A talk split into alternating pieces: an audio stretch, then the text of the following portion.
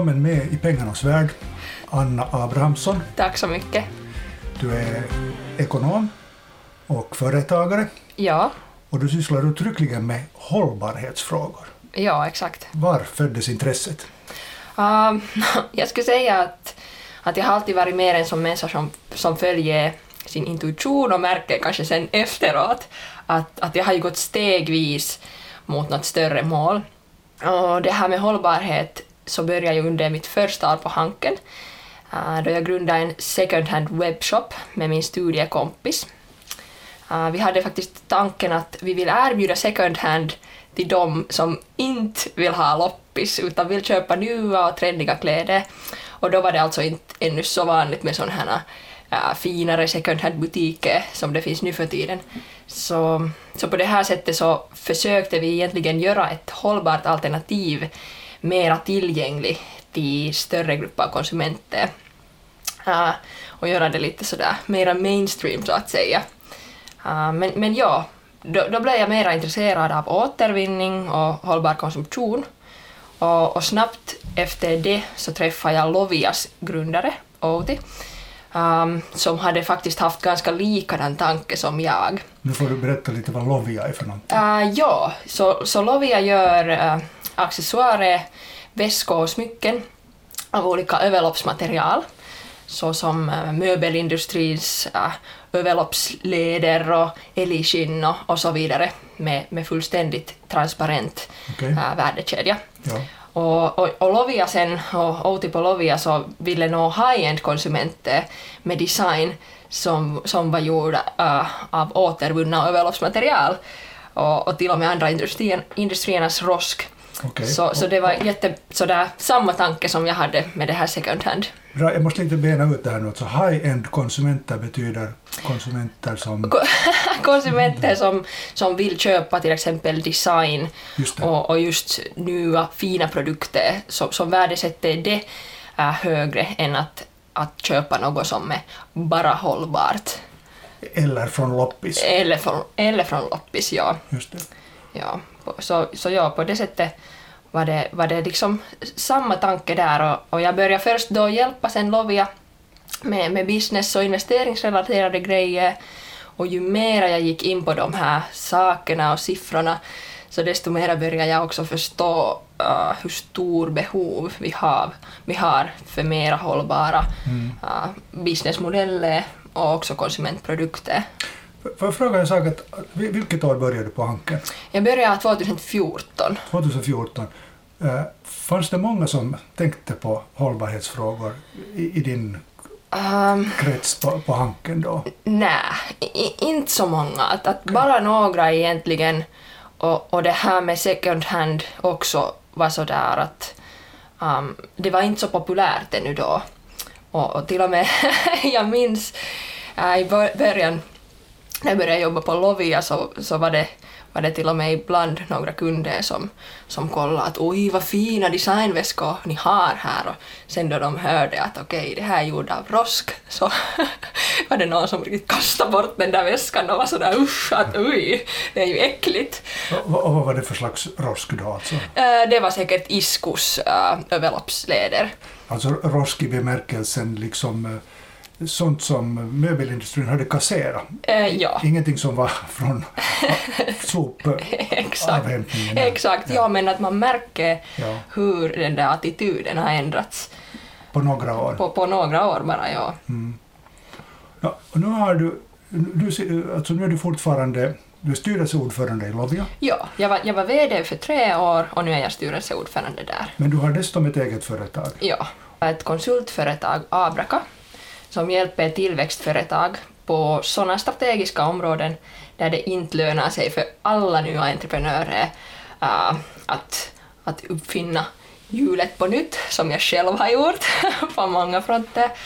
Äh, så till exempel finansiering, att bygga en bra businessplan eller, äh, eller expansions eller marknadsföringsstrategi. Och på finska så brukar jag säga att min mission på Abraka är villiyritysten vallankumous. så det vill säga alltså äh, att, att jag vill göra företag så organiska som möjligt. Och Jag tycker nämligen att, att den här samma jämförelsen eller, eller analogin som, som jag kan berätta här så beskriver både, både liksom vilda och sen sådana här intensivodlade växter och företag. Att, att det finns mycket likheter där. Så alltså i mina ögon är or organiska, eller vilda före, företag då, ähm, um, sådana som kan både effektivt utnyttja hela sin omgivning för att växa och hjälpa vara till nytta för hela sin omgivning um, med sin tillväxt. Uh, så på det här sättet blir det till en sån här win-win situation mellan företaget och omgivningen som innefattar alltså naturen men också kunder och till exempel arbetstagare. Uh, och det här är alltså motsatsen uh, till det här traditionella intensivproduktionstankesättet där man måste hela tiden tillsätta näringsämnen eller utomstående investeringar för att nå sån tillväxt som faktiskt får omgivningen att bli fattigare och fattigare. Um, så på Havraka vill jag bevisa uh, genom de här företag som jag jobbar med uh, att, att den här organiska modellen som jag bygger kommer att vinna intensivproduktionen på alla tre viktigaste fronterna Profit, People och Planet. Uh, okay. Så ja, så det, det, här är det som jag nu håller på med. Och, och jag konsulterar företag helt så fysiskt just nu men snart ska jag också öppna en webbsida där jag kommer sen att erbjuda digitala kurser äh, för företag och också självutveckling för entreprenörer. Okej. Okay. Kan du ge exempel på, på, på till exempel ett företag som, som, som eh, skulle vilja vara ett sådant vilt företag som växer organiskt och vill eh, vara till nytta för sin miljö? No, just till exempel Lovia som jag fortfarande jobbar med. Ja. Och, och det, är fe, det är flera... Om, om, vi tar det som exempel, så ja. då, eh, Lovia tillverkar bland annat väskor ja. av överloppsleder. Ja, Varifrån ja. kommer materialet? Är det, är det, är det gratis?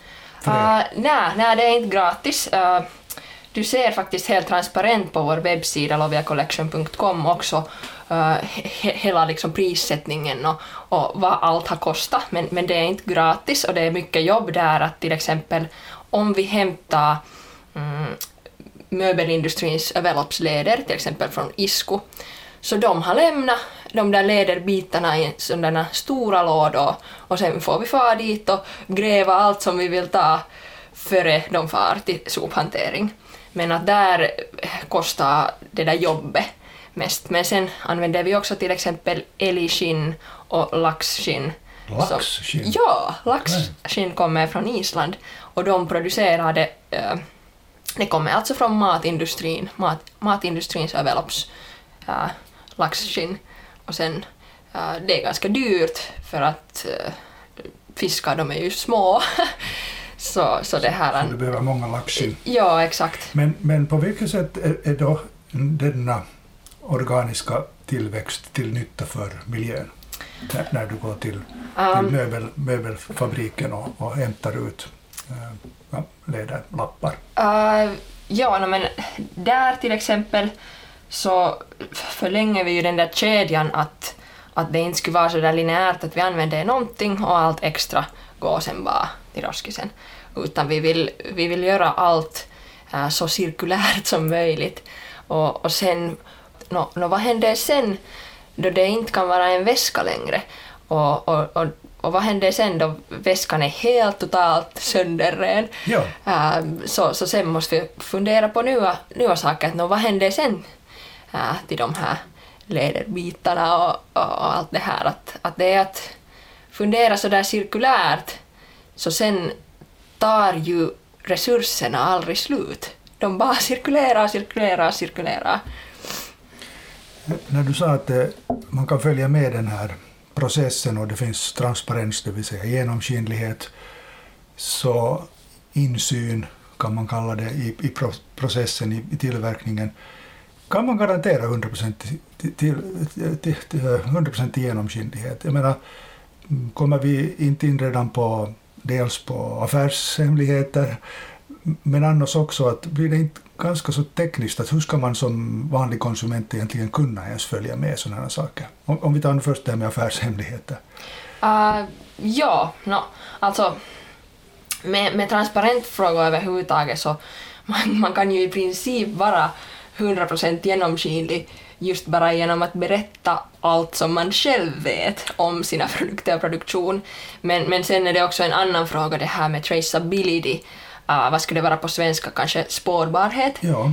Um, och, och, det beror ju sen mycket på hela värdekedjans längd och Precis. krånglighet och, och, allt det här. Och, och, det är därför just jag tycker det är så otroligt intressant för att eh, det talas ju idag, precis varenda företag talar om hållbarhet. Det, man kan inte göra affärer utan att tala om hållbarhet idag. Men sen när man ens lite skrapar på ytan så förstår man att, att det som är nu just hållbart här i den här företaget, det som de gör reklam för, så är bara en liten del av företagets hela verksamhet. Att det kan hända att transporterna är allt annat än hållbara, trots att produktionen är hållbar, till exempel. Ja, no, no det är just det där att, att om man har en lång värdekedja med många olika företag och intressenter, uh, som företag brukar ha nu för tiden, så, så blir det jättesvårt och krångligt och, och sen just det där att, att kommunicera det nu till kunden. Så, så just därför uh, har vi ett sånt här direct to producer, direct to consumer uh, koncept att, att vi har själv besökt våra producenter uh, för att se hur de jobbar och istället för att sälja i stora varuhus till exempel så säljer vi direkt till våra slutkunder uh, för att undvika en sån här rikkinäinen puhelin så att säga där största delen av information hinner försvinna före slutliga kunden ens ser hela produkten. Uh, men även vi har, har ju en lång väg kvar till 100% spårbarhet där vi skulle på riktigt veta allt om fast metalldelarnas ursprung och så vidare. Okay. Men, men jag hoppas på att nya teknologier såsom blockchain kommer nog att möjliggöra även det i framtiden. Vi sitter här alltså nu i pengarnas värld och diskuterar med Anna Abrahamsson som är företagare och också konsult. När vi talar om, om eh, hållbarhet så är det många som framför tanken att vi ska konsumera mindre. Ja. Människor ska på riktigt börja de väljer noggrant vad de köper men också sen då de har köpt någonting så helt enkelt uppskatta mera det, det som man äger och just mm, man märker ju också en sån här trend att människor vill har kanske någon mormors gamla smycken eller sådär som har någon slags historia och, och just någonting mera än bara det där utseendet. Så, så det, det är nog något som tar oss snabbt mot sådär, äh, eller, eller som tar oss mot hållbarhet.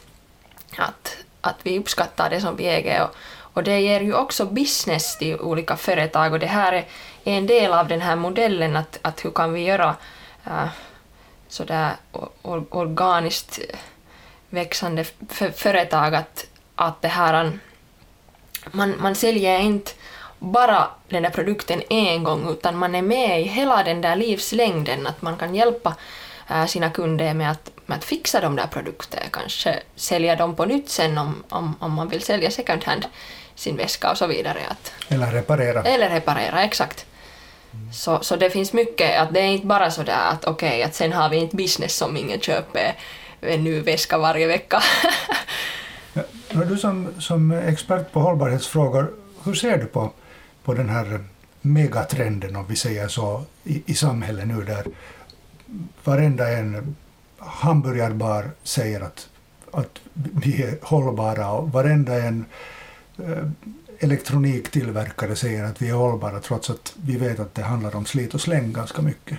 Mm. Är, det, är det greenwash som man säger, alltså det vill säga försöker man bara tvätta rent sitt samvete eller låta konsumenterna tvätta rent sitt sam samvete? Eller är det någonting på riktigt på gång? Uh, no, jag skulle säga att både och, och, men ja, det är verkligen någonting på riktigt på gång för att vi kan ju inte fortsätta så här. Resurserna tar helt enkelt slut. Att, att nu har vi börjat märka det att, att vi måste börja, att resurserna måste börja cirkulera igen, att, att det kommer inte några nya resurser från rymden. hit utan, utan vi måste börja utnyttja det som vi har och, och, och det här, då, då måste inte liksom hela ekonomin stanna heller eller så. Att, att jag, jag tycker att det går automatiskt också eh, till det hållet dit det ska här, men att vi måste ju också börja vara, eller bli medvetna om det att nu krävs det verkligen uh, också snabba ändringar. Att, att det räcker inte med att säga att jo, jo, jo, vi är hållbara men köp någonting nytt varje vecka. Utan att, att på riktigt att det, och det är just det som jag försöker göra på Abraka. Att jag hittar på businessmodeller där man kan faktiskt bevisa att, att det är eh, så där överlägset bästa sättet att, att just agera också med tanke på sin profit och tillväxt. Just det, menar du alltså att man kan förtjäna pengar också? Exakt, exakt. Att man hittar på helt enkelt nya affärsmodeller som, som tar det här till hänsyn att, att man ska cirkulera. och, och just in, inte bara det där 100% genomskinlighet men också det där att, att, att man slutar med det här linjära tankesättet att, att man slänger bort att om alla företag skulle börja ta ansvar för det att okej, okay, ah, varifrån kommer våra material? Är det, är det hållbart? Och vad händer sen? Just att man måste också ta ansvar för det, att vad händer sen då våra kunder inte längre vill ha de här produkterna? Att kan vi ta ansvar där? Kan vi göra pengar med det också? Att, att de här produkterna kommer tillbaks eller de far någon annanstans, de blir något helt eh, annat. Att det finns mycket business som man, man kan göra där. Att det är inte bara sån här plikt som alla måste på något sätt göra som förstör hela, hela businessdelen. Anna Abrahamsson, tack för att du var med i Pengarnas värld. Tack så mycket. Eh, jag tänkte nu ställa en sista fråga. Eh, var kommer du att finnas om 20 år? Ja, det där är, det där är intressant. 20 år, det är ju så lång tid att jag har inte ens uh, tänkt, men, men just nu så tror jag att jag börjar uh, samtidigt som jag, som jag konsulterar företag så börjar jag också ta lite mera tid för konst och filosofi och sådana grejer. Jag önskar att jag åtminstone fortfarande njuter av livet lika mycket som nu för tiden.